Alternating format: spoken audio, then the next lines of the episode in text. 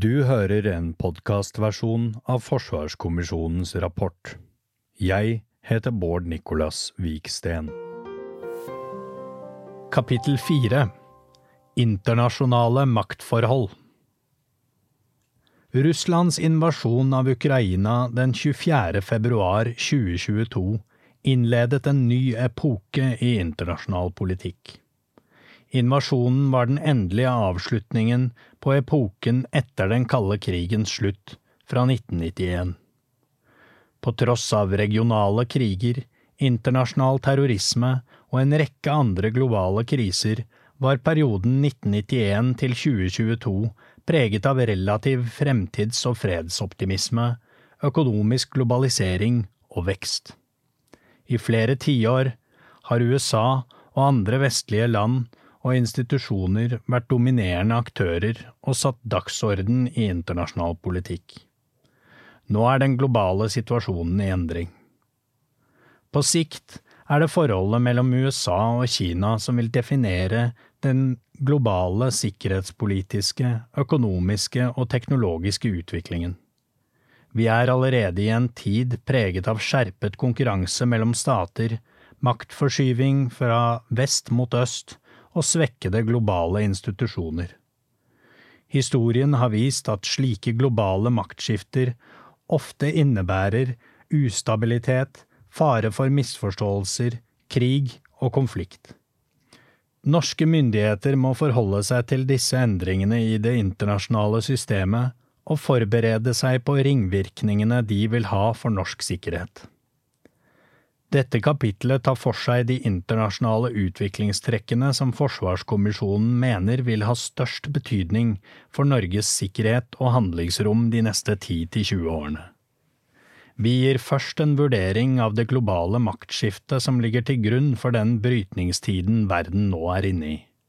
Deretter vurderer vi aktørene som trolig vil ha størst betydning for Norges sikkerhet i årene som kommer. USA, Russland, Kina, NATO, europeiske land, Norden og ikke-statlige aktører. Internasjonalt system under press Staters opptreden og forhold til hverandre har i etterkrigstiden vært basert på spilleregler som har bidratt til stabilitet og forutsigbarhet selv i krevende tider. En rekke internasjonale avtaler og organisasjoner basert på felles prinsipper med røtter i et vestlig og liberalt verdifellesskap, bidro lenge til å gjøre verden friere, tryggere og mer velstående. Det internasjonale systemet som har utviklet seg etter 1945, hviler på et sett med felles regler og liberale verdier, deriblant folkeretten, nasjonal selvbestemmelsesrett, menneskerettighetene, internasjonalt samarbeid og internasjonale institusjoner. FN-pakten fra 1945 la til rette for et internasjonalt system der rett skulle gå foran makt, og en rekke institusjoner vokste frem for å ivareta disse prinsippene. Svekkelsen av denne internasjonale ordenen har pågått over tid. Russlands anneksjon av Krim og destabilisering av Øst-Ukraina i 2014 og fullskala angrep på Ukraina i 2022 er de klareste uttrykkene for en internasjonal rettsorden under press.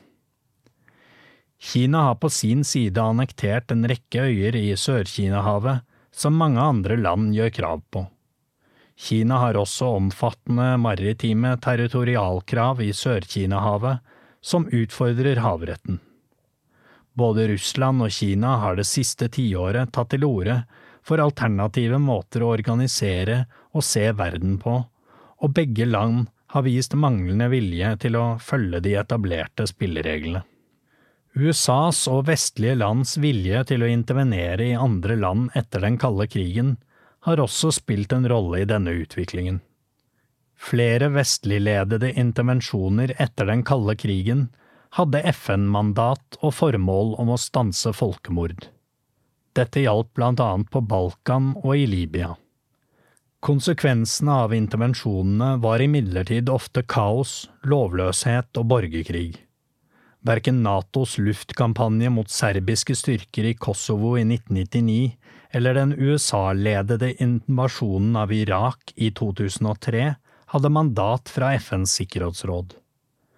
Dette blir av noen land og aktører ansett som feilgrep med store negative konsekvenser for folkeretten og en regelstyrt verden. Antall militære konflikter i verden er på vei oppover. De fleste væpnede konflikter er borgerkriger og finner sted i utviklingsland. Et økende antall er også internasjonaliserte, det vil si at tredjeparter er involvert. Dette kan øke faren for at konfliktene sprer seg. En annen trend er at væpnede konflikter synes å bli mer langvarige. I de siste årene er vestlige lands evne og vilje til å intervenere i regionale konflikter blitt svekket, samtidig som regionale makters rolle styrkes. Eksempler på dette finner vi i land som Syria, Libya og Jemen. Med økt konkurranse mellom supermaktene USA og Kina, og en rekke stormakter som søker mer innflytelse, blir det mer krevende å bruke FN til å dempe konfliktnivået og sette rammer for løsningsprosesser. FN er svekket som direkte resultat av økende konflikt mellom de mektigste statene i verden, hvor de viktigste også er medlemmer av Sikkerhetsrådet. Autoritære stater og ikke-statlige aktører vil etter alle solemerker fortsette å utfordre gjeldende internasjonale regler. Også mindre land kan se muligheter for å teste grenser og forordninger de er misfornøyd med.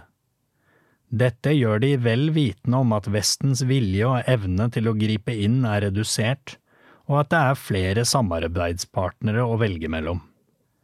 Dette kan resultere i et internasjonalt system der skillelinjene i økende grad vil gå mellom demokratier og autoritære land. Man kan også få et mer uoversiktlig system der stater samordner sin politikk ut fra sine nasjonale interesser i hver enkelt sak. Oppslutningen om internasjonale avtaler er allerede synkende, og det blir mer krevende å erstatte dem som er sagt opp, blant annet nedrustnings- og rustningskontrollavtaler. Mye tyder derfor på at vi går inn i en epoke med flere konflikter, opprustning og våpenkappløp. Kjernevåpnenes rolle i Ukraina-krigen vil kunne forsterke betydningen av disse våpnene. Andre land enn Russland kan vurdere militær aggresjon med trussel om mulig kjernefysisk eskalering, eller land kan ønske å utvikle egne kjernevåpen for å avskrekke angrep. Vestlig samhold utfordres i økende grad også innenfra. Tradisjonelt har vestlige land støttet opp om liberalt demokrati, frie markeder, menneskerettigheter og internasjonale institusjoner. I flere land er tradisjonelle verdier og politikk under press, og politiske bevegelser som lover nye løsninger på interne utfordringer, får økt oppslutning. Dersom utfordringene vedvarer og de tradisjonelle politiske partiene ikke klarer å svare på dem, vil denne utviklingen sannsynligvis fortsette de neste 10–20 årene. Forskning har over tid pekt på at demokratiske land bare unntaksvis er i konflikt med hverandre. De kommer bedre overens med naboland, og de har mindre konfliktfylte handelsforbindelser. Andelen demokratier i verden er imidlertid vært på vei nedover. En økning i antallet udemokratiske land kan øke risikoen for at Norge eller våre allierte blir involvert i konflikt. Små demokratiske land som Norge er særlig avhengige av internasjonale spilleregler for å ivareta sine interesser. Dersom en økende andel land ser bort fra eksisterende spilleregler og søker å innføre nye, vil dette påvirke norsk sikkerhet og handlingsrom negativt i årene fremover. USAs globale rolle utfordres. USA vil frem mot 2040 trolig forbli verdens sterkeste militærmakt. USAs interesse for og rolle i europeisk sikkerhet vedvarer som følge av gjensidig økonomisk avhengighet, menneskelige, kulturelle og verdimessige bånd som er bygget opp over lang tid.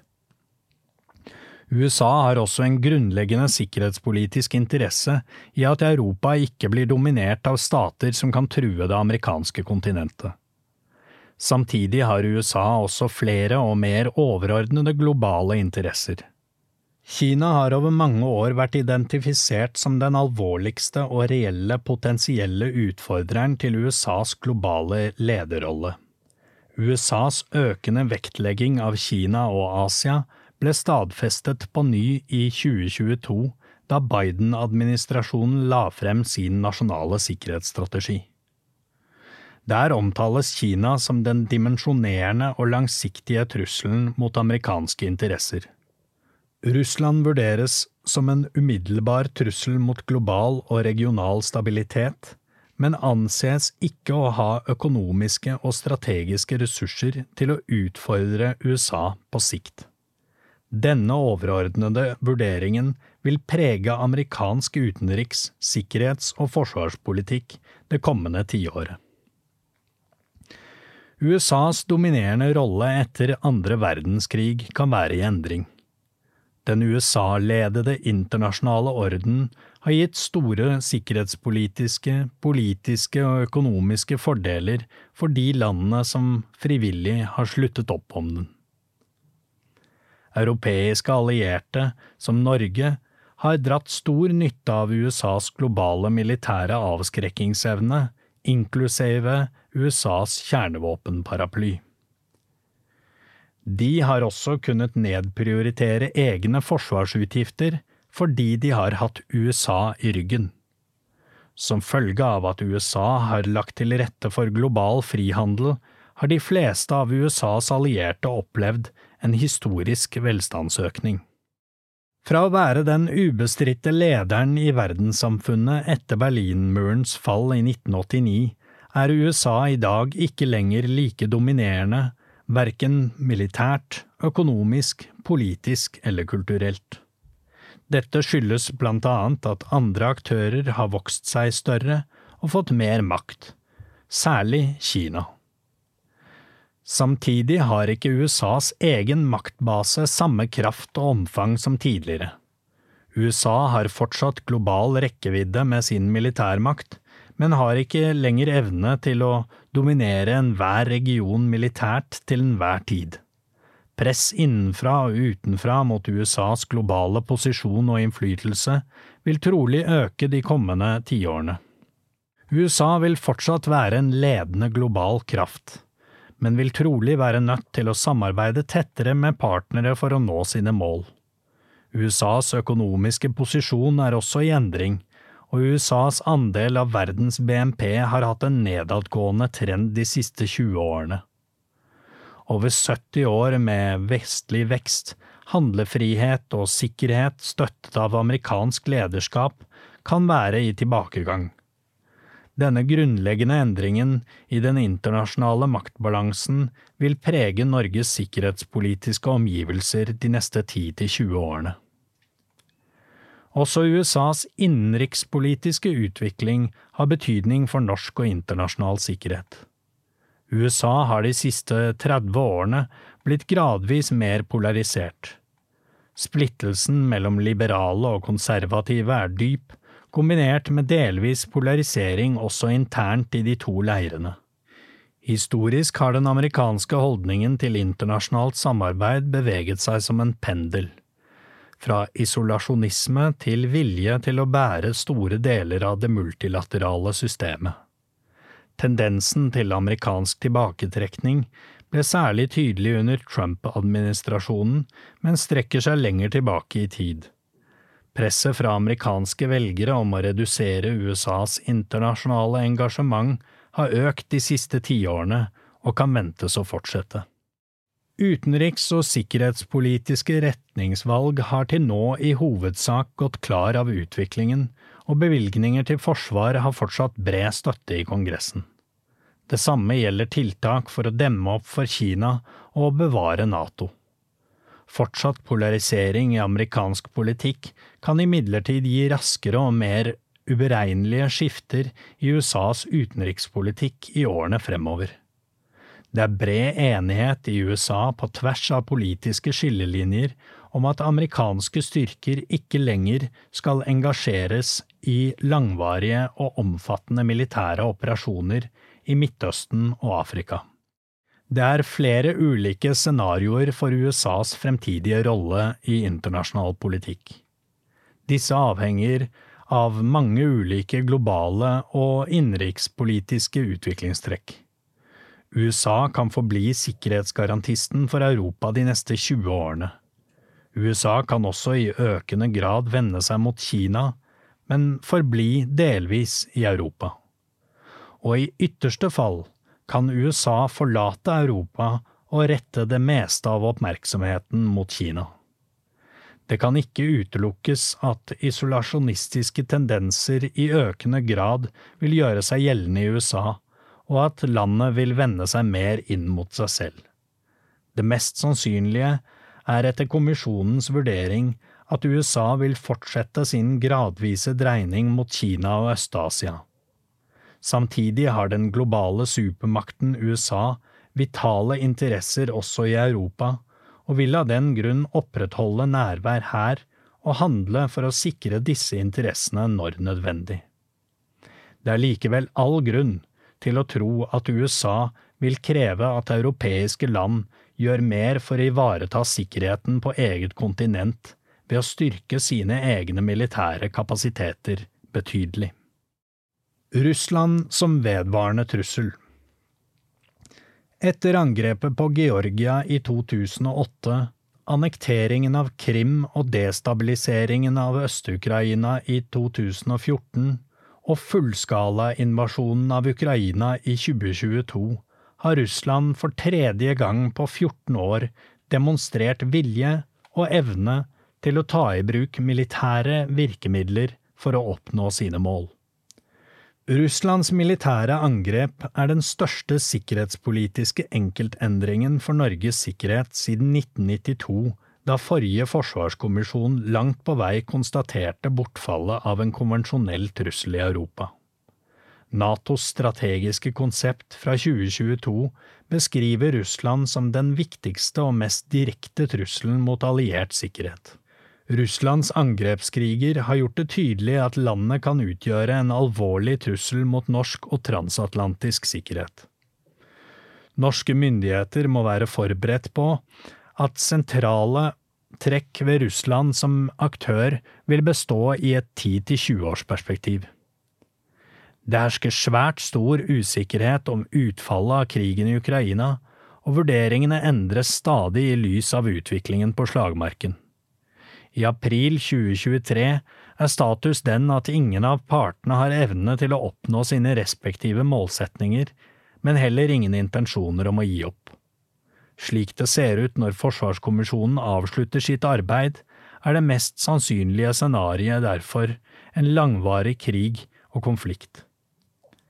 Det er grunn til å anta at vi vil se en fortsettelse og negativ konsolidering av de frosne konfliktene på Krim og østlige deler av Ukraina som har vart siden 2014. Situasjonen ligner de frosne konfliktene i Abkhasia og Sør-Osetia i Georgia og Transnistria i Moldova, men omfanget og konsekvensene i Ukraina er mye større.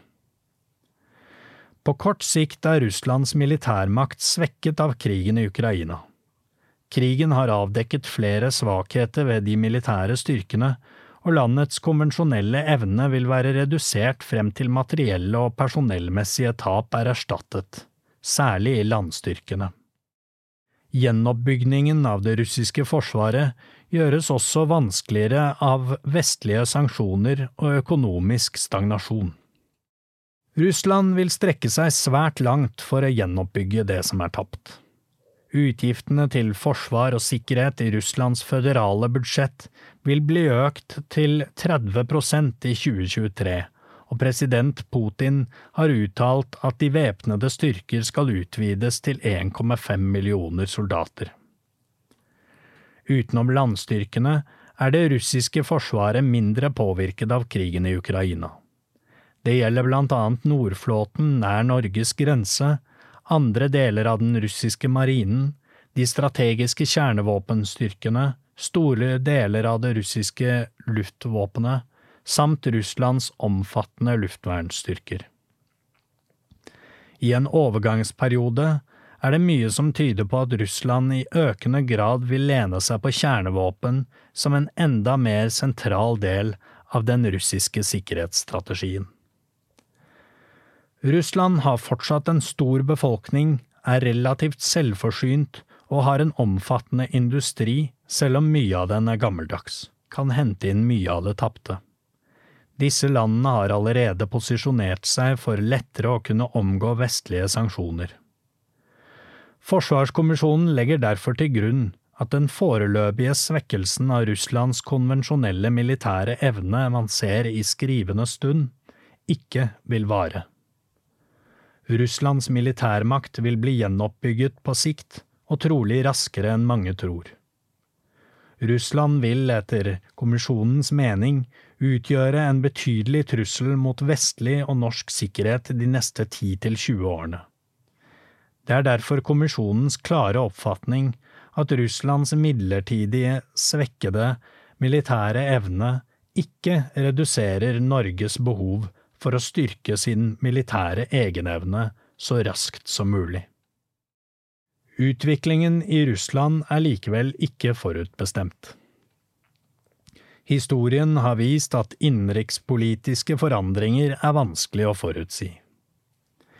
Det kan ikke utelukkes at økonomiske forhold eller sosial uro vil kunne føre til fundamentale reformer eller systemskifte i Russland på kort eller lang sikt. Vekst- og levekårsforventningene i Russland er lave, og korrupsjon preger store deler av det russiske samfunnet. Regimets uvilje mot reformer og Russlands store avhengighet av olje- og gassinntekter bidrar til lav innovasjonstakt. Videre er det vanskelig å vite om og hvor lenge dagens regime vil bli sittende, hvem president Putins etterfølger vil bli, og om maktoverføringen vil finne sted i rolige former. En langvarig, utmattende og kostbar krig i Ukraina kan svekke Putins posisjon, føre til økte interne stridigheter i makteliten og redusert oppslutning om regimet. Man kan heller ikke helt utelukke muligheten for en mer grunnleggende svekkelse av den russiske staten. Russlands krigføring i Ukraina kan føre landet inn i kaos, med ukontrollerte grenser, private militære formasjoner og der deler av befolkningen nekter å la seg mobilisere. Dersom sentralmakten mister sin autoritet, kan en oppsplitting av landet langs etniske og nasjonale linjer ikke utelukkes. Dette kan gi Norge en mer uforutsigbar og ustabil nabo som per i dag besitter verdens største kjernevåpenarsenal. Som følge av sentralmaktens sterke, undertrykkende organer er det likevel lite som peker mot en slik kollaps eller oppsplitting i dag. Det er lite som tyder på at Russland vil utvikle seg i demokratisk retning. Lærdommen mange russere trakk fra 1990-årene var at demokrati førte til kaos. Regimet har siden starten på 2000-tallet begrenset rommet for opposisjon gjennom omfattende innstramminger av sivile rettigheter. Uavhengig av fremtidig økonomisk utvikling vil et Russland styrt på samme måte som i dag trolig forbli grunnleggende antivestlig og antidemokratisk, og fortsette å undergrave europeisk og transatlantisk sikkerhet. Midler som cyberangrep, manipulasjon av energi- og matvarepriser, valgpåvirkning og trusler om bruk av kjernevåpen har relativt lave økonomiske kostnader for Russland på kort sikt. De forblir derfor en sentral del av metodene som Russland bruker for å oppnå sine mål. At Russland bruker energi som pressmiddel, ble klart demonstrert da landet startet å skru av gasstilførselen til Europa allerede i 2021. Sabotasjeaksjonene mot gassrørledningene i Østersjøen høsten 2022 er også en påminnelse om at all kritisk infrastruktur kan bli brukt for å ramme eller legge press på moderne samfunn. Russland vil trolig fortsette sin utvikling i retning av et mer isolert, mer totalitært og mer militarisert regime. Geografisk nærhet, landets militære potensial og økende utenrikspolitiske ambisjoner gjør at Russland trolig vil veksle mellom å være en direkte og potensiell trussel mot norsk sikkerhet og norske sikkerhetsinteresser frem mot 2040 også om utviklingen i Russland mot formodning skulle gå i mer demokratisk retning, vil Russlands strategiske nærvær i norske nærområder innebære at vår bilaterale relasjon alltid vil ha en viktig forsvars- og sikkerhetspolitisk dimensjon. Kinas fremvekst endrer verden. Kinas utvikling og globale opptreden er blant de viktigste spørsmålene for vår tid. Det gjelder også for norsk sikkerhet i et 20-årsperspektiv. I løpet av de neste to tiårene vil Kina trolig utvikle seg til å bli verdens største økonomi, og kan ha nådd samme størrelse som USA militært.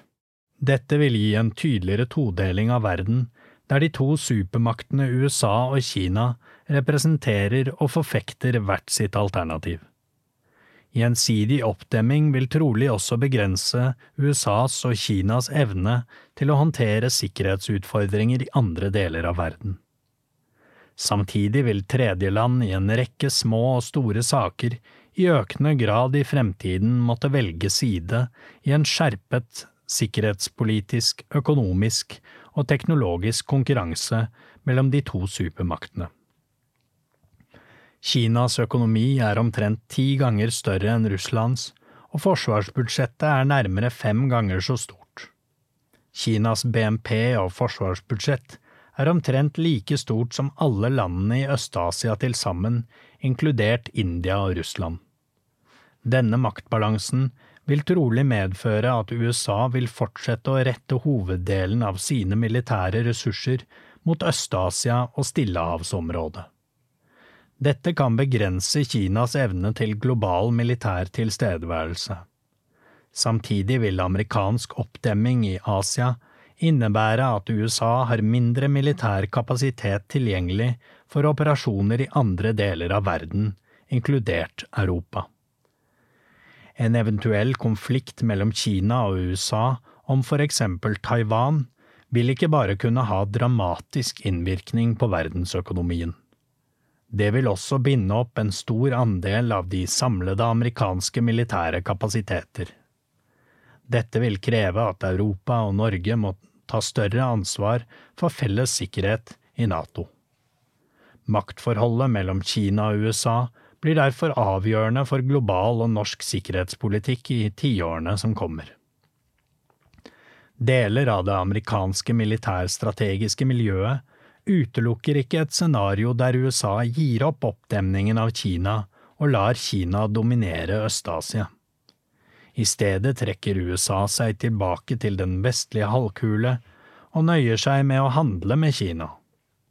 Selv om dette scenarioet anses som mindre sannsynlig, vil en slik utvikling være svært dramatisk. Det ville både satt tunge amerikanske allierte i Asia som Japan og Sør-Korea i en meget utsatt situasjon, og reist berettiget tvil om USAs vilje og evne til å stå ved sine allierte. Et slikt scenario ville i praksis innebære at USA abdiserer som global supermakt, og kan medføre at flere land ser seg nødt til å anskaffe kjernevåpen for å ivareta troverdig avskrekking. Det mest sannsynlige scenarioet er i stedet at USA fortsetter å prioritere sine militære ressurser mot Stillehavsområdet og balansering av Kina. Mangel på sikkerhetsforpliktelser utenfor egne nærområder og stor tilgang på mellomdistansemissiler gjør at Kina truer med å presse amerikansk militær tilstedeværelse bort fra deler av Asia og det vestlige Stillehavet. I løpet av 2030-årene kan Kinas marine målt i antall skip vokse seg nær dobbelt så stor som USAs. Samtidig blir den kinesiske militærmakten mer moderne og utvikler mer avanserte former for kommando og kontroll. Kina har også blitt ledende på flere militærteknologiske områder, og er en betydelig aktør i det ytre rom. Kina tar sikte på å møte hundreårsmålene for folkets frigjøringshær innen 2027, fullføre fornyelsen av sitt forsvar innen 2035 og bygge en militærmakt i verdensklasse innen 2049. Dette er i realiteten en ambisjon om å kunne utfordre USAs globale militære stilling, først regionalt og deretter globalt. I skyggen av Ukraina-krigen arbeider Kina målrettet for å bygge allianser og utvikle samarbeid med land i det globale sør. Stadig oftere opptrer landet som brobygger, senest demonstrert i mars 2023 med forslaget til en våpenhvile og fredsforhandlinger mellom Russland og Ukraina. Et annet eksempel er den historiske samarbeidsavtalen mellom Iran og Saudi-Arabia, der Kina var meglingsmann. Kina er i ferd med å ta en helt ny plass i internasjonal politikk, noe som er et uttrykk for USAs svekkede makt og innflytelse. Det er økende bekymring i vestlige land for at Kina vil revidere deler av den gjeldende internasjonale orden på en måte som trygger kommunistpartiet og dets interesser. En verden formet etter det kinesiske kommunistpartiets udemokratiske og autoritære preferanser truer en verden basert på demokrati, frihet, åpenhet og respekt for menneskerettighetene. Kinas interesser i Norges nærområder har så langt primært vært av ressursmessig karakter og begrenses av store avstander. Norske myndigheter vil likevel måtte være bevisst på at nordområdenes geostrategiske betydning og økonomiske potensial kan føre til økt militær interesse for norske nærområder. I 2021 var Kina det enkeltlandet Norge importerte mest fra, med om lag 13% av samlet import utenom skip og oljeplattformer. Ved en eventuell skjerping av rivaliseringen mellom USA og Kina eller i ytterste konsekvens en fullskala krig, utgjør Norges avhengighet av kinesiske varer en betydelig sårbarhet for norsk økonomi, beredskap og forsyningssikkerhet. Det gjelder særlig på kritiske områder som helse, telekommunikasjon, databehandlingsutstyr og for diverse råvarer til europeisk og amerikansk industri. En konfliktskjerping utgjør også en betydelig risiko for oljefondet, hvor verdiene kan bli hardt rammet av en konflikt som ryster verdensøkonomien. Kinas raske fremvekst kan utfordre hele det transatlantiske samholdet. Europeiske og amerikanske velgere har nærmet seg hverandre i synet på utfordringene Kinas fremvekst innebærer, men årsakene er forskjellige. For USA utgjør Kina en alvorlig økonomisk og militær utfordring mot deres globale lederrolle. For Europa har menneskerettighetsutvikling og kinesisk tvangsdiplomati hatt større betydning for opinionsdannelsen. Europas store avhengighet av Kina for å opprettholde økonomisk vekst gjør at det fortsatt vil være krevende å bli enige med USA om felles posisjoner om hvordan den fremvoksende supermakten skal håndteres. Dette gjelder særlig når det kommer til USAs økende oppmerksomhet for å hindre teknologiutveksling med Kina og et økende antall økonomiske sanksjoner.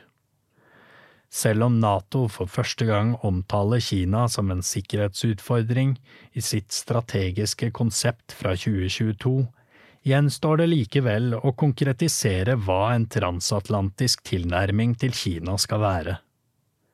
Dersom Nato ikke klarer å samles om en tydeligere felles politikk overfor Kina, kan alliansen de neste tiårene bli mindre relevant for USA. I stedet kan USA i større grad komme til å prioritere samarbeid med enkeltland som har vilje og evne til å bidra til oppdemningen mot Kina.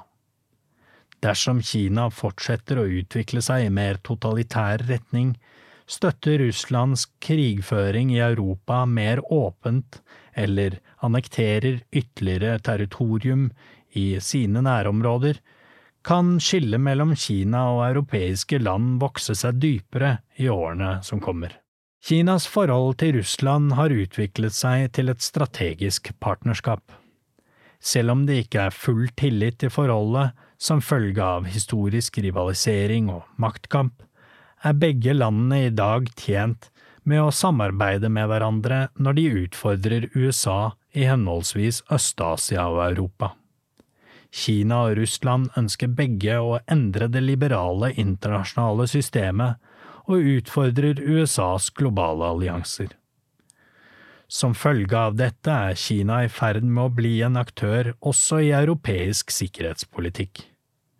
Kina støttet langt på vei Russlands krav om å revidere sikkerhetsarkitekturen i Europa i månedene før Russlands invasjon av Ukraina.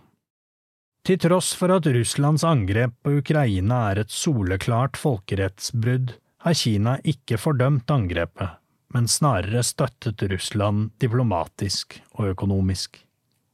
På sikt er Kina tjent med et svekket Russland som blir mer avhengig av Kina, men ikke et Russland som kollapser. Militært er det lite som tyder på at Russland ønsker at Kina etablerer seg med baser eller permanent militær tilstedeværelse i Arktis. Det er imidlertid grunn til å anta at man vil kunne se militært samarbeid i form av øvelser i Nord-Atlanteren eller i Arktis. Det vil trolig også bli økt samarbeid om teknologi, i det ytre rom, om missilforsvar, kunstig intelligens eller autonome systemer. Det kan heller ikke utelukkes at Kina og Russland i fremtiden utvikler et tettere og mer formalisert sikkerhetssamarbeid. Selv om det er lite som tyder på det i dagens situasjon, kan vi ikke utelukke alternative utviklingsforløp i Kina. Et scenario er indre uro og omveltninger eller kommunistpartiets politiske kollaps. Et nærliggende historisk eksempel er Sovjetunionens oppløsning, som få forutså eller spådde kun kort tid før det faktisk skjedde. Et annet scenario er at Kina får en ny, reformorientert ledelse som endrer Kinas utenriks- og innenrikspolitikk til å bli mer i samsvar med vestlige demokratiske og liberale verdier. Det er imidlertid svært lite som tyder på dette i dag. I de senere år har man snarere sett en til dels kraftig innstremming av sivile rettigheter som trolig vil motvirke liberale strømninger. Det mest sannsynlige scenarioet er derfor at kommunistpartiet beholder makten, og at Kinas makt og selvhevdende tilnærming øker i styrke. Nato har fått fornyet relevans. Nato er en unik organisasjon med en integrert militær struktur, et integrert kommandoapparat og en permanent politisk beslutningsmekanisme. Verdifellesskapet mellom medlemslandene er viktig for evnen til planlegging, konsultasjoner og gjennomføring av vedtak. Alliansen har gjennomgått en omfattende omstilling siden 2014 gjennom styrking av Natos hurtigreaksjonsstyrker, vedtak om bruk av 2% av BNP til forsvarsformål, oppdatering og utvikling av planverk, forsterking av utsatte allierte gjennom rotasjonsbasert øving og tilstedeværelse, samt forbedret kommando og kontroll. Omstillingen har bidratt til økt evne til å ivareta alliert sikkerhet. Gjennom historien har Nato evnet å tilpasse seg skiftende sikkerhetspolitiske omgivelser, men alliansen står overfor nye utfordringer de kommende 10–20 årene. Trusselen fra Russland og USAs økende prioritering av Stillehavsregionen er de mest sentrale problemstillingene. Til tross for at det raser en krig i Europa man ikke har sett siden annen verdenskrig, sto USA for omtrent 90% av våpenhjelpen til Ukraina i 2022. USAs støtte har vært helt avgjørende for Ukrainas motstandskamp. Spørsmålet er om europeiske allierte vil klare å ta hovedansvaret hvis en ny krig skulle bryte ut i Europa, særlig hvis en slik krig sammenfaller eller kommer i etterkant av en krig mellom USA og Kina over Taiwan. Tiltakene som er iverksatt i kjølvannet av Ukraina-krigen og Natos nye strategiske konsept fra 2022 har demonstrert alliansens vilje og evne til å stå samlet og handle raskt. Det gjenstår likevel mye arbeid for å sette europeiske NATO-medlemmer militært i stand til å avskrekke Russland og forsvare eget territorium. En bedre byrdefordeling mellom USA og Europa vil være avgjørende for Natos videre utvikling.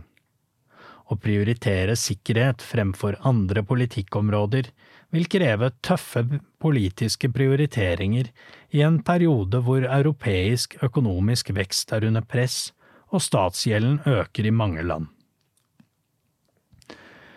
Natos strategiske konsept skisserer hovedoppgaver og prioriteringer for hvordan alliansen skal utvikle seg i tiåret som kommer. De tre kjerneoppgavene vil være avskrekking og forsvar, kriseforebygging og håndtering, samt samarbeid om sikkerhet. Nato fortsetter å tilpasse seg en varig endret sikkerhetspolitisk situasjon ved å styrke evnen til kollektivt forsvar gjennom Natos nye konsept for avskrekking og forsvar av det euroatlantiske området. Økt reaksjonsevne, styrket planverk og forhåndsdefinerte forsterkningsstyrker skal øke troverdigheten av alliansens evne til kollektivt forsvar. Den endrede kommandostrukturen og arbeidet med å styrke Natos oppmerksomhet mot det maritime domenet er en viktig del av utviklingen. Vi må forvente at arbeidet med å styrke Natos evne innen cyber- og romdomenet også vil intensiveres i tiden som kommer. I 2021 ble det enighet om at et angrep i, fra eller til rommet kan utløse NATO-traktatens artikkel 5.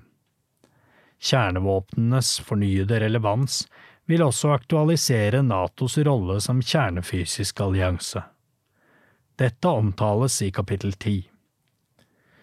Historien forteller oss samtidig at Natos utvikling i større grad er drevet av begivenheter og endringer i alliansens omgivelser enn av strategidokumenter.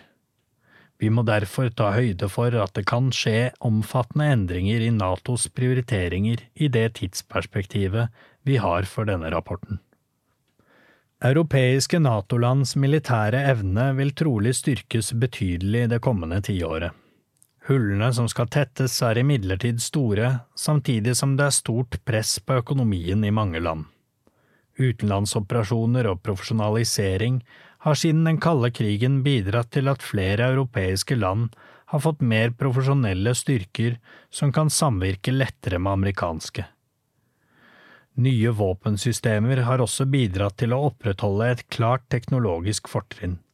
Massive kutt i europeiske lands forsvar etter den kalde krigen har likevel etterlatt store mangler. Mye materiell virker ikke eller mangler reservedeler, og personellstrukturen er i mange tilfeller kuttet til et minimum. Evnen til å produsere ammunisjon er også svært begrenset. Den militære støtten til Ukraina i 2022 og operasjonene i Libya i 2011 har avdekket alvorlige mangler innen lagerbeholdningen og produksjonskapasitet av alle typer ammunisjon. Europeisk ammunisjonsindustri er betydelig nedbygget, og ammunisjon har blitt en salderingspost på vestlige forsvarsbudsjetter. Mangelen på troverdige, langsiktige innkjøpsavtaler har bidratt til å svekke nasjonal produksjonskapasitet til et nivå som ikke lenger er tilstrekkelig for verken krise eller krig. Strenge krav om presisjon og miljøvennlighet har ført til både høye priser og begrenset omfanget av trening og øving hos militære styrker. Europas kapasitetsmangler er så store at europeerne vil slite med å gjennomføre operasjoner på egen hånd, selv i den lavere enden av konfliktskalaen. Ved større operasjoner vil Europa fortsette å være avhengig av amerikansk støtte innen transportkapasitet, overvåkning, kommunikasjon og logistikk. Blant store europeiske land er trolig Storbritannia og Frankrike de eneste som har maktet å opprettholde en viss evne til selvstendige operasjoner utenlands, men da fortsatt med bistand fra amerikanske støttefunksjoner innen etterretning og overvåkning. NATO-medlemslandenes forpliktelse om å nå 2% av BNP til forsvarsformål innen 2024 og ytterligere planer for styrking av allierte forsvar kan rette opp i noen av de mest alvorlige manglene i Natos styrkestruktur.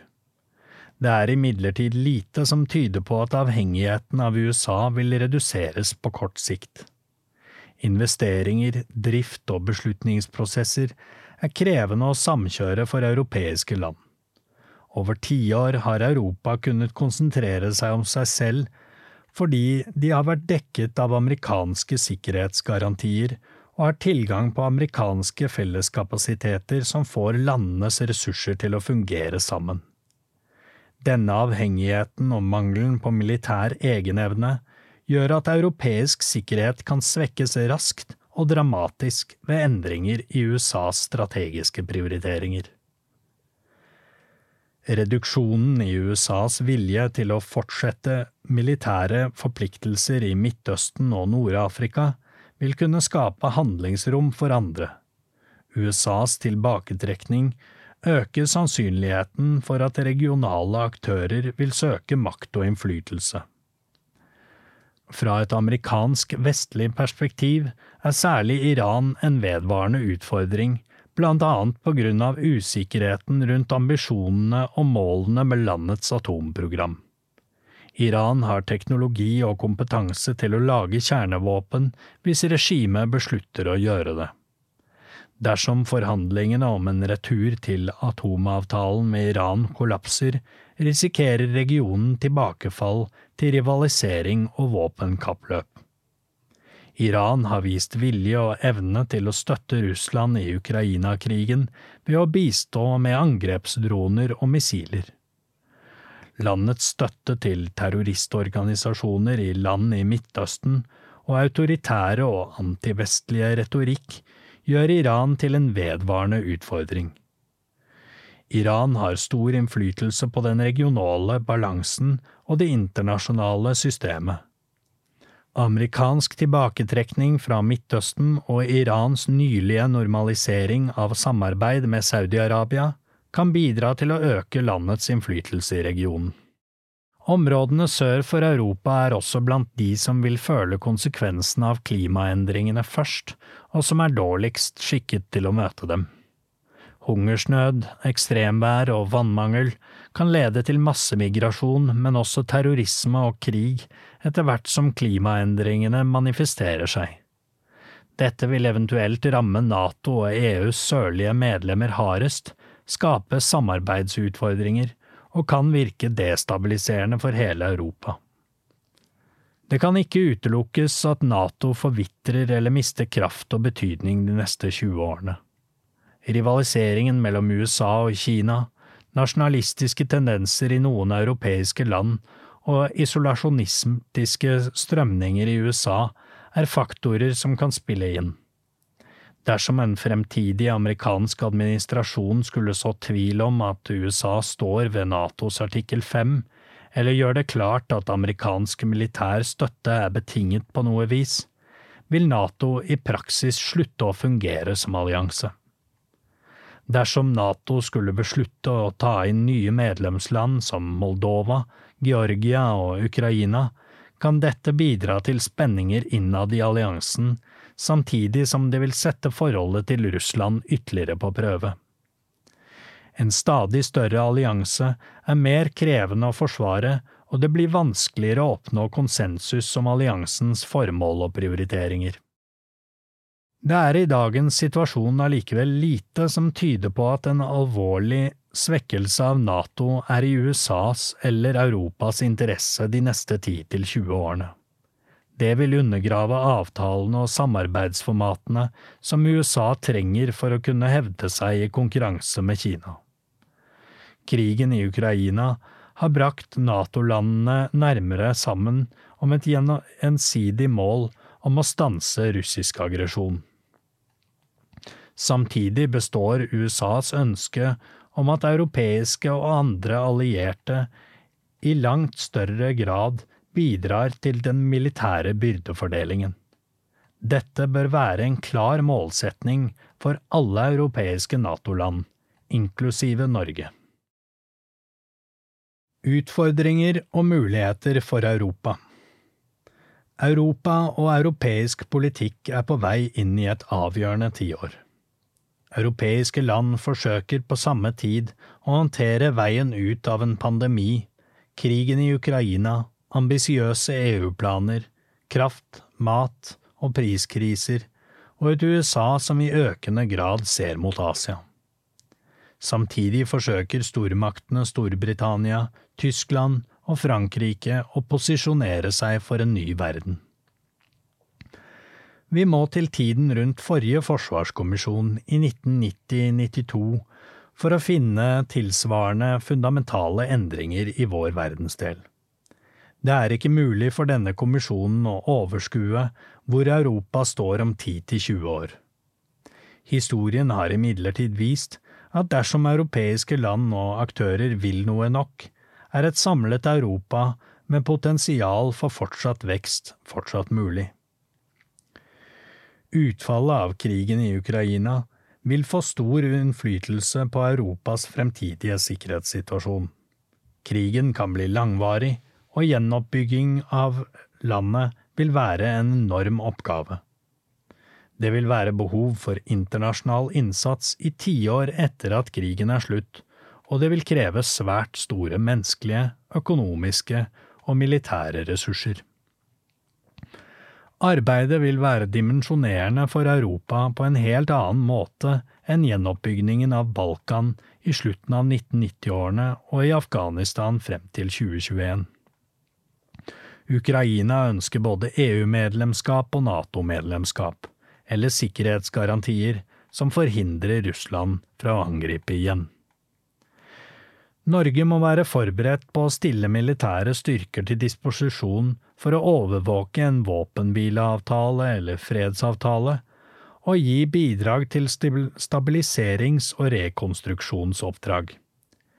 Russlands krig mot Ukraina og destabilisering av europeisk sikkerhet har ledet til fornyet og forsterket vestlig samhold, men det er samtidig usikkert hvor lenge effekten vil vare. Etter Russlands angrep på Ukraina i 2014 ble Europas befolkning mer samlet i synet på Russland. Effekten avtok imidlertid markant allerede fra 2016. Sjokket etter angrepskrigen mot Ukraina i 2022 er større, og de negative økonomiske konsekvensene rammer europeiske borgere mye mer direkte og vil være mer varige. Dersom langvarig inflasjon, høye energipriser, industriflukt og svak vekst ikke blir håndtert på en tilfredsstillende måte, kan samholdet i og mellom stater i Europa forvitre og ustabilitet oppstå. Endringer i tysk politikk har alene kraft i seg til å forme Europas profil de neste 10–20 årene. Tyskland er nå i en periode der noen av de viktigste forutsetningene for veksten i tysk økonomi skal redefineres. Krafttilførselen fra Russland må erstattes, handelen med Kina må balanseres, og avhengigheten av amerikansk sikkerhet må reduseres. Dersom Tyskland realiserer sin omfattende kursendring, vil det kunne få ringvirkninger i hele Europa. Tyskland vender nå blikket i økende grad nordover mot Atlanterhavet og nordområdene. Det vil gi muligheter for sterkere samarbeid med Norge. Storbritannia har satt sin kurs som et sterkt og tydelig NATO-medlem, med annet tydelig sikkerhetspolitisk prioritering av Nord-Europa og nordområdene. Landet har globale ambisjoner og en målsetning om fortsatt satsing på forsvar. Samtidig har konsekvensene av brexit, ettervirkningene av pandemien og krigen i Ukraina ført landet inn i en meget krevende økonomisk og politisk situasjon. En eventuell løsrivelse av Skottland og eller Nord-Irland kan ikke utelukkes, og det vil forverre situasjonen ytterligere. Frankrike går viktige år i møte både innenrikspolitisk og i videreutviklingen av sine posisjoner for Europa, det transatlantiske forholdet og i middelhavsregionen. Frankrike vil fortsette å spille en nøkkelrolle i de fleste spørsmål som angår regional utvikling og stabilitet. Frankrike vil trolig fortsette sin satsing på høyteknologi og en sterk forsvarsindustri, samt videreføre ønsket om strategisk autonomi for eget land og for Europa. For Frankrike er et sterkt europeisk sikkerhets- og forsvarspolitisk samarbeid et nødvendig supplement til NATO. Selv om det er lite som tyder på det i dag, kan det i 10–20-årsperspektivet ikke utelukkes at EU-samarbeidet svekkes. Selv om de negative konsekvensene for Storbritannia etter brexit har gjort at støtten til EU har blitt styrket i en del EU-land, demonstrerte folkeavstemningen også at motstand mot globalisering, stor ulikhet eller svekkede levekår kan føre til en svekkelse av det europeiske samarbeidet. Dersom nasjonalistiske strømninger skulle vokse seg sterke nok i sentrale EU-land som Frankrike, Tyskland, Polen eller Italia, kan det få dramatiske konsekvenser. Til tross for at trusselen fra Russland har lagt lokk på noen av de interne spenningene i disse landene, kan de økonomiske utfordringene potensielt føre til at spenningen vil vokse seg sterkere de neste 20 årene. En slik utvikling vil være uheldig for Norge, siden stabilitet i Europa er av stor betydning for norsk sikkerhet.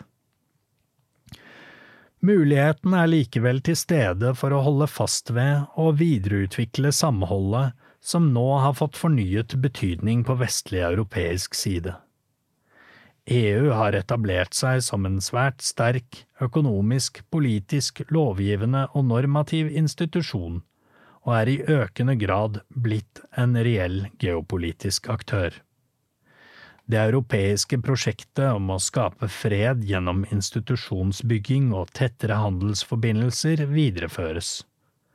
For mange land i Europa har båndene blitt tettere, og krigen i Ukraina har styrket troen på et europeisk skjebnefellesskap. Vi ser et taktskifte i samarbeidet i EU på en rekke politikkområder. EUs beslutninger har blitt mer omfattende og påvirker stadig større deler av samfunnet. Samarbeidet om energi og klima har blitt gradvis styrket de siste årene. I de kommende 20 årene kan EU bli ytterligere utvidet med nye medlemsland på Vest-Balkan, Georgia, Moldova og Ukraina. Vi vil sannsynligvis se et EU som består av flere medlemsland, og med en integrasjonsprosess som beveger seg i flere hastigheter avhengig av politikkområdet. EUs sikkerhets- og forsvarspolitiske dimensjon har vært i stor utvikling de senere år, og unionen presenterte sin første overordnede strategi om sikkerhet og forsvar i mars 2022, EUs strategiske kompass. Kompasset er ambisiøst og legger rammene for utviklingen av EU som sikkerhets- og forsvarspolitisk aktør frem mot 2030. Det inneholder tidfestede tiltak for å styrke EUs operative rolle, motstandskraft, kapabiliteter og partnerskap. Det er lagt ned betydelig innsats for å styrke den militære mobiliteten i Europa. Formålet er å lette grensepassering i land- og luftdomenet. På dette området vil trolig samarbeidet mellom EU og NATO intensiveres ytterligere. Samarbeid om områder som cyber, trusler i det digitale og ytre rom, og tiltak for å imøtegå informasjons- og påvirkningsoperasjoner står allerede sentralt i EU, og vil trolig bli enda viktigere de neste 10–20 årene. Å sikre større avhengighet for kritiske komponenter og varer står også sentralt.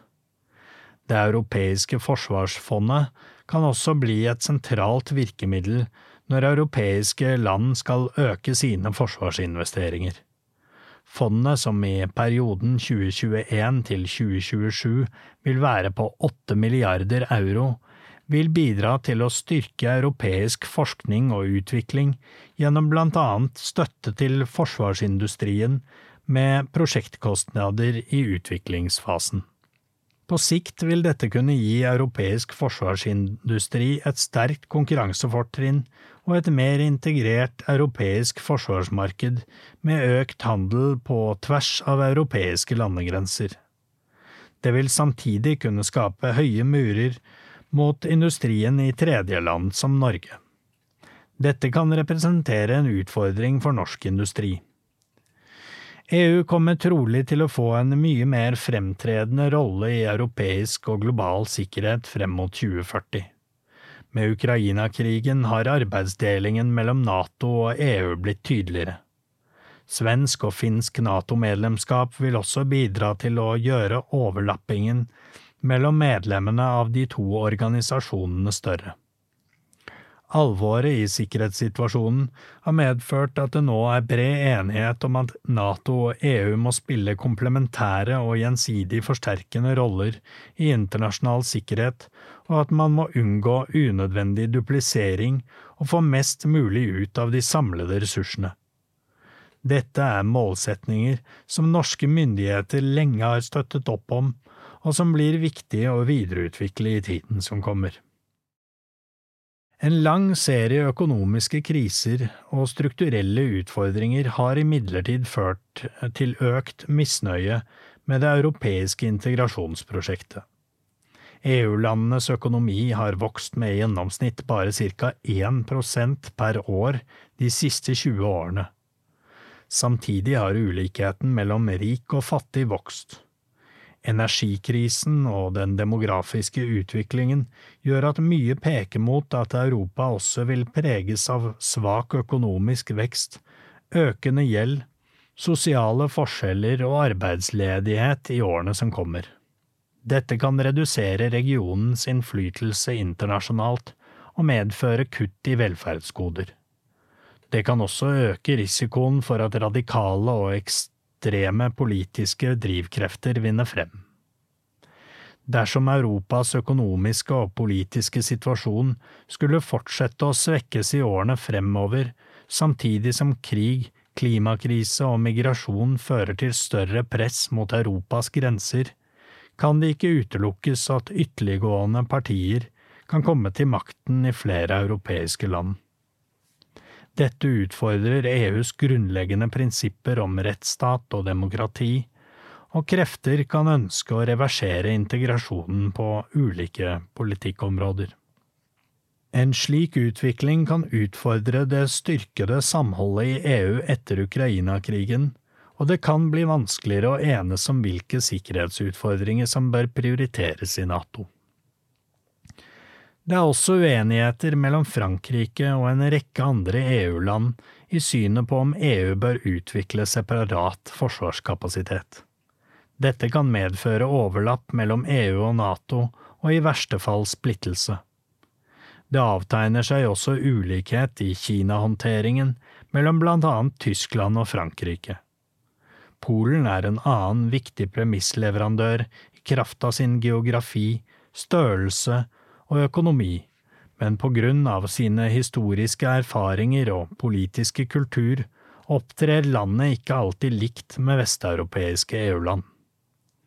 Den historiske erfaringen med sovjetisk-russisk annektering etter andre verdenskrig gjør at Baltikum og de fleste østeuropeiske land legger mye større vekt på avskrekking enn beroligelse i møte med potensielle trusler.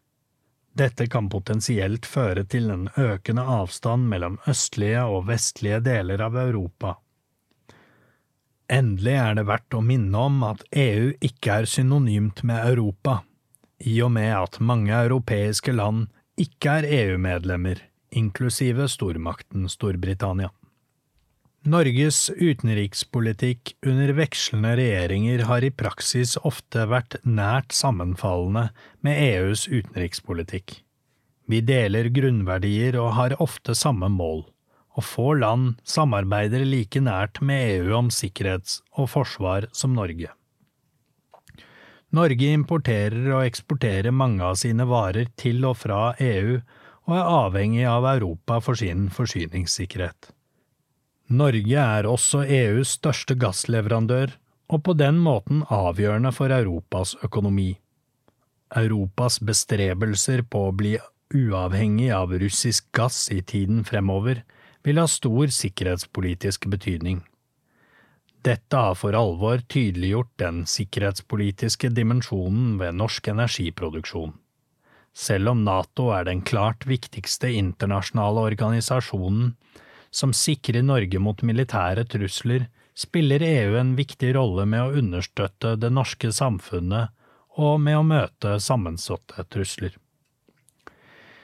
EUs felles utenriks-, sikkerhets- og forsvarspolitikk er ikke en del av EØS-avtalen. Norge deltar ikke direkte i dette, og det finnes heller ikke noen overordnet rettslig eller institusjonell ramme for samarbeid. Samtidig har Norge siden tidlig på 2000-tallet ført en politikk der man har søkt å knytte seg tett opp til EU på disse områdene, basert på felles grunnverdier og interesser. Det har vært en løpende sikkerhetspolitisk dialog. Denne ble formalisert i 2021, og Norge har gjennom egne avtaler deltatt i flere av EUs militære operasjoner.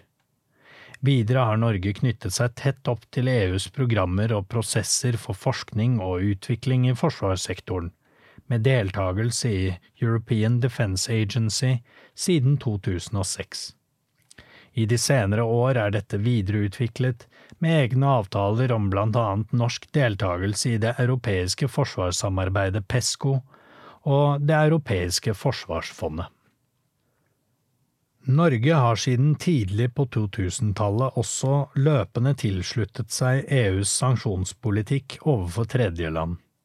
Dette omfatter sanksjonene mot personer og selskaper i Kina som anklages for menneskerettighetsbrudd i 2021, og de restriktive tiltakene mot Russland etter invasjonen av Krim i 2014 og angrepet på Ukraina i 2022.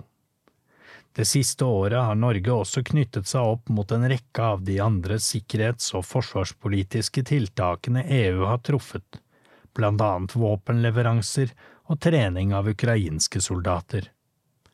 I tillegg kommer samarbeid om sivil beredskap, krisehåndtering, informasjonssikkerhet, romprogrammer, migrasjon, utenlandsinvesteringer og annet, dels innenfor og dels utenfor rammene av EØS. I sitt nye strategiske kompass for sikkerhet og forsvar fra mars 2022 uttrykte EU sitt ønske om å forsterke det konstruktive samarbeidet med Norge, og Norge ble karakterisert som EUs viktigste partnerland. Samlet sett er Norge blant de landene som samarbeider tettest med EU om sikkerhets- og forsvarspolitiske spørsmål, og slik vil det antageligvis være også i årene fremover.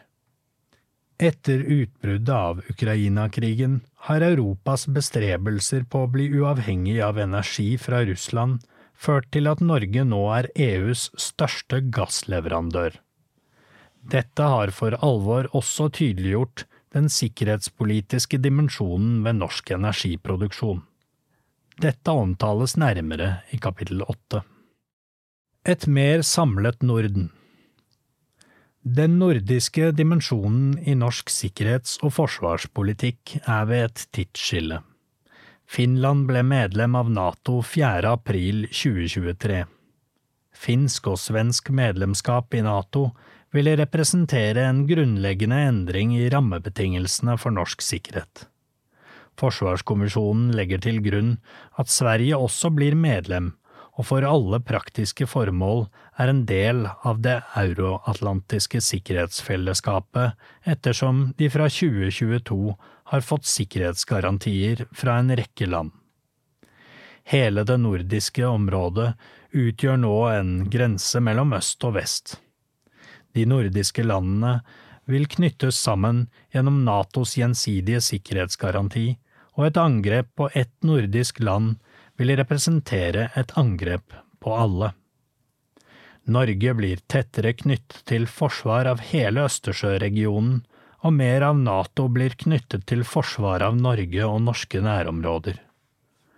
Nato vil forvente at Norden i større grad tar ansvar for eget territorium, samtidig som det forventes at de nordiske landene bidrar til det kollektive forsvaret av Europa.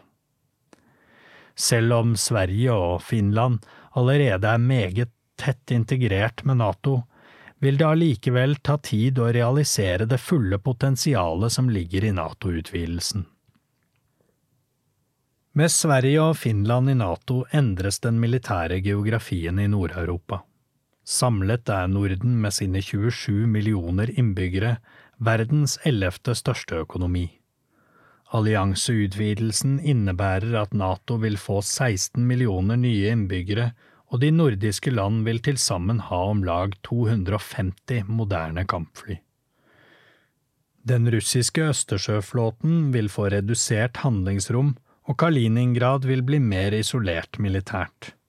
En større del av Natos territorium vil komme tettere på Nordflåtens strategiske baser på Kolahalvøya, samt de russiske forsyningslinjene som går til Kolahalvøya langs grensen til Finland. Norge og Nato må med denne endringen ta høyde for at Russland må prioritere mer militærmakt nordover. Derfra vil Russland ha større operasjonsfrihet for å kunne forstyrre og destabilisere Nord-Europa og det nordlige Atlanterhavet. For Norge vil en fordelaktig militærstrategisk konsekvens av finsk og svensk NATO-medlemskap være at Norge vil få større strategisk dybde mot Russland. Finland har store og kompetente landstyrker, og Sverige har betydelige kapasiteter i alle domener. Russland vil få en ny og lang grense mot NATO i Finland. En potensiell russisk landinvasjon av Norge i Finnmark vil derfor bli langt vanskeligere og dermed mindre sannsynlig. Selv om Russlands posisjon og landmakt er relativt svekket etter Ukraina, har landet beholdt sine maritime kapasiteter og den strategiske betydningen til Nordflåten på Kolahalvøya blir større. For norske myndigheter blir det derfor enda viktigere enn før å beskytte kysten og havområdene utenfor Norge sikre sjøveier i Atlanterhavet, Nordsjøen og Norskehavet for å motta forsyninger til Norden og alliert mottak vil få større betydning. Med svensk og finsk NATO-medlemskap vil Norge utvikle seg fra en endestasjon til en transittstasjon for allierte forsterkninger til hele Norden. Norges maritime ansvar blir enda viktigere i et nytt nordisk sikkerhetspolitisk landskap. Sverige og Finlands medlemskap i NATO gir store muligheter i tiårene fremover, men innebærer også potensielle utfordringer. Et langt mer forpliktende og integrert regionalt samarbeid blir nå mulig, samtidig som norsk, svensk og finsk sikkerhet knyttes tettere sammen. De nordiske land som gruppe og i samarbeid med andre allierte i Østersjøregionen, Storbritannia og USA, vil kunne utvikle og fordype samarbeid der det er hensiktsmessig. En ny og lang NATO-grense til Russland langs Finlands grense og en tydeligere NATO-tilstedeværelse i Østersjøen vil samtidig fordre en nøye kalibrert politisk og militær tilnærming for å unngå uønsket eskalering og misforståelser. Det er viktig at norske myndigheter i årene som kommer håndterer videreutviklingen av det nordiske forsvarssamarbeidet på en måte som styrker vår sikkerhet, bidrar til stabilitet og motvirker uønsket spenning eller misforståelser i forholdet til et mer uforutsigbart Russland. Voldelige, ikke-statlige aktører forblir en trussel. I mange år har kampen mot terrorisme stått høyt på den internasjonale dagsordenen. Siden 11. september 2001 har ekstrem islamisme først ved terrornettverkene Al Qaida og deretter ved IS, krevd særskilt internasjonal og nasjonal innsats. Trusselen fra ekstrem islamisme er fortsatt høy og representerer en trussel mot vår sikkerhet. I Afghanistan har begge nettverk styrket sin stilling siden 2021. De underliggende årsakene til voldelig ekstremisme, skjøre politiske systemer, økonomisk usikkerhet og dårlige levekår har økt i mange land, særlig i Afrika. Radikalisering til høyreekstremisme er i vekst og utgjør en økende bekymring. Etterretningstjenesten vurderer i 2023 at terrororganisasjonene er blitt mindre viktige i Europa, og at flertallet av terrorangrepene i Vesten utføres av enkeltpersoner uten støtte fra etablerte terrororganisasjoner. I Norge vurderer Politiets sikkerhetstjeneste at terrortrusselen vil komme fra flere ekstremismeretninger og være preget av at ekstremister i større grad tilpasser ideologi, modus og valg av mål ut fra egne preferanser. Dette medfører at trusselen blir mer sammensatt, og kan føre til at det blir mer utfordrende å avdekke radikalisering og potensiell terrorplanlegging. I Natos strategiske konsept har terrorisme en sentral plass i trusselbeskrivelsen. Terrorisme omtales fortsatt som den mest direkte asymmetriske trusselen mot fred, sikkerhet og de allierte lands innbyggere. Konseptet peker likevel ikke på store nye kontraterror- eller internasjonale operasjoner. Slike operasjoner fremstår også mindre aktuelle etter uttrekningen fra Afghanistan, svekkelsen av IS i Syria og Irak og USAs reduserte ambisjon og nærvær i Midtøsten. Det er derfor grunn til å anta at Natos innsats mot terrorisme, piratvirksomhet og kapasitetsbygging i sårbare stater vil være betydelig mindre i omfang i tiden fremover enn den har vært siden 2001. Håndteringen av konsekvensene av konflikten i Ukraina dominerer oppmerksomheten i Nato og de fleste europeiske land, og trusler fra ikke-statlige aktører kan bli en blindsone. Terroraktører kommer til å utgjøre en vedvarende trussel mot deler av norsk sikkerhet også fremover. I regjeringens kontraterrorstrategi fremgår det at det er stor usikkerhet knyttet til vurderinger av et fremtidig trusselbilde. Situasjonen kan endre seg raskt, og det er ikke gitt at fremtidens trusler vil arte seg som dem vi ser i dag. Arbeidet med å oppdage og avverge både eksterne og interne terrorangrep vil fortsette å være en prioritert aktivitet i mange europeiske land. Polarisering, hatretorikk og et hardere debattklima i det offentlige rom kan påvirke trusselbildet også utover radikaliseringsfaren. Ny teknologi og økt tilgang til og evne til å benytte eksisterende teknologi vil kunne ha innflytelse på hvordan voldelige ikke-statlige aktører kommuniserer, og hvordan de finansierer sine nettverk og gjennomfører operasjoner. Det kan også medføre nye teknologibaserte våpenplattformer og angrepsmetoder, som cyberangrep og droner. Den enorme mengden elektronisk informasjon kombinert med utstrakt kryptering gjør det mer utfordrende for myndighetene å avdekke forberedelser til terrorhandlinger. Tilgang på teknologi gjør slike aktører i stand til å gjennomføre angrep i en skala som tidligere bare har vært mulig for statlige aktører. Ikke-statlige aktører som kriminelle nettverk, terrororganisasjoner og opprørsgrupper vil derfor være aktører Forsvaret må forberede seg på å håndtere. Fremveksten av nye former for ekstremisme viser tegn til at det tradisjonelle skillet mellom høyre- og venstreekstremisme blir mindre relevant. Faktorer som krenkelser eller påvirkning fra hendelser i andre land vil fortsette å påvirke trusselbildet også på lengre sikt. I årene som kommer skal eh, tidligere fremmedkrigere tilbakeføres til samfunnet etter soning i flere europeiske land. Dette kan påvirke trusselbildet i Europa fremover.